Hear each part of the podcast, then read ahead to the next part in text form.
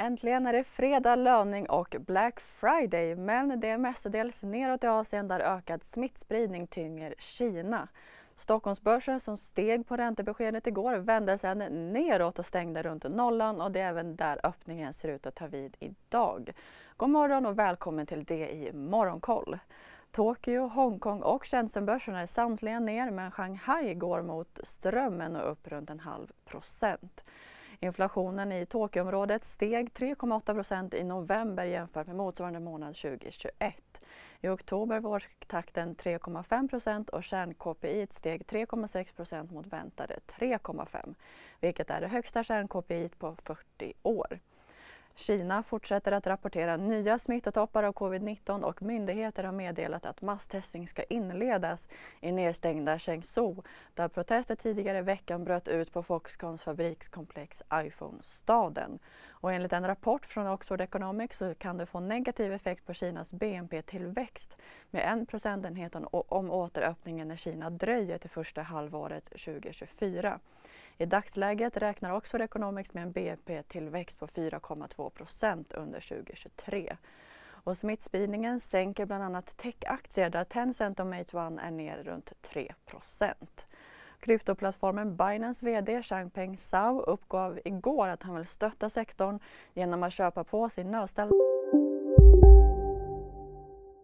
Har du också valt att bli egen?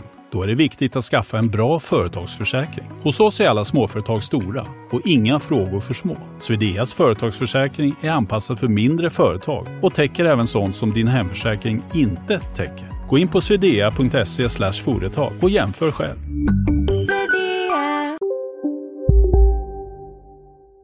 tillgångar för minst en miljard dollar vilket motsvarar drygt 10 miljarder kronor. Binance kommer även att lägga ett nytt bud på Voyager Digital efter FTX-kollapsen. Bitcoin och Ether tappar omkring 2 och det var ju stängt på de amerikanska börserna igår då man firade Thanksgiving men idag är börserna återigen öppna med halvdag och stänger klockan sju svensk tid. Så till Sverige där Intrum skriver ner 4,3 miljarder kronor i det italienska SPV-bolaget efter en försäljning på 37,5 procent av innehavet. Och idag går den förlängda acceptperioden ut för amerikanska tobaksjätten Philip Morris köp av Swedish Match. Philip Morris kontrollerar 86 procent av Swedish Match och mycket talar för att de kommer nå 90 gränsen. Och Försvarets materielverk beställer 300 lastbilar från Volvo och Scania. Kontrakten är värderade till cirka 460 miljoner kronor. Under morgonen får vi en rapport från energibolaget Orren Energy och vd Daniel Fitzgerald gästar oss i Börsmorgon. Idag har även skogsbolaget SCA kapitalmarknadsdag där bolaget väntas presentera den strategiska inriktningen och ge en uppdatering om pågående investeringsprojekt. Men det var allt för nu. Missa inte Börsmorgon kvart i nio och Börskoll klockan två. Ha en fin dag.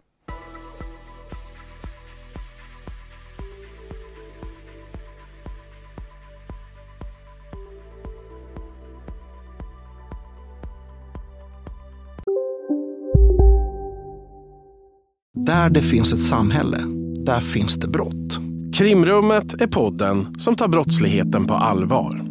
Jag bjuder in landets ledande experter och tar upp aktuella rättegångsfall för att begripliggöra den kriminalitet som kryper allt närmare. Du, alltså, du kan knäcka ett eller några gäng, men det kommer komma nya och så kan vi knäcka dem sen. Men att du ska knäcka allt forever, det kommer aldrig ske. Det är infinite game. Lyssna på Krimrummet, en podd från Expressen med mig Kim Malmgren.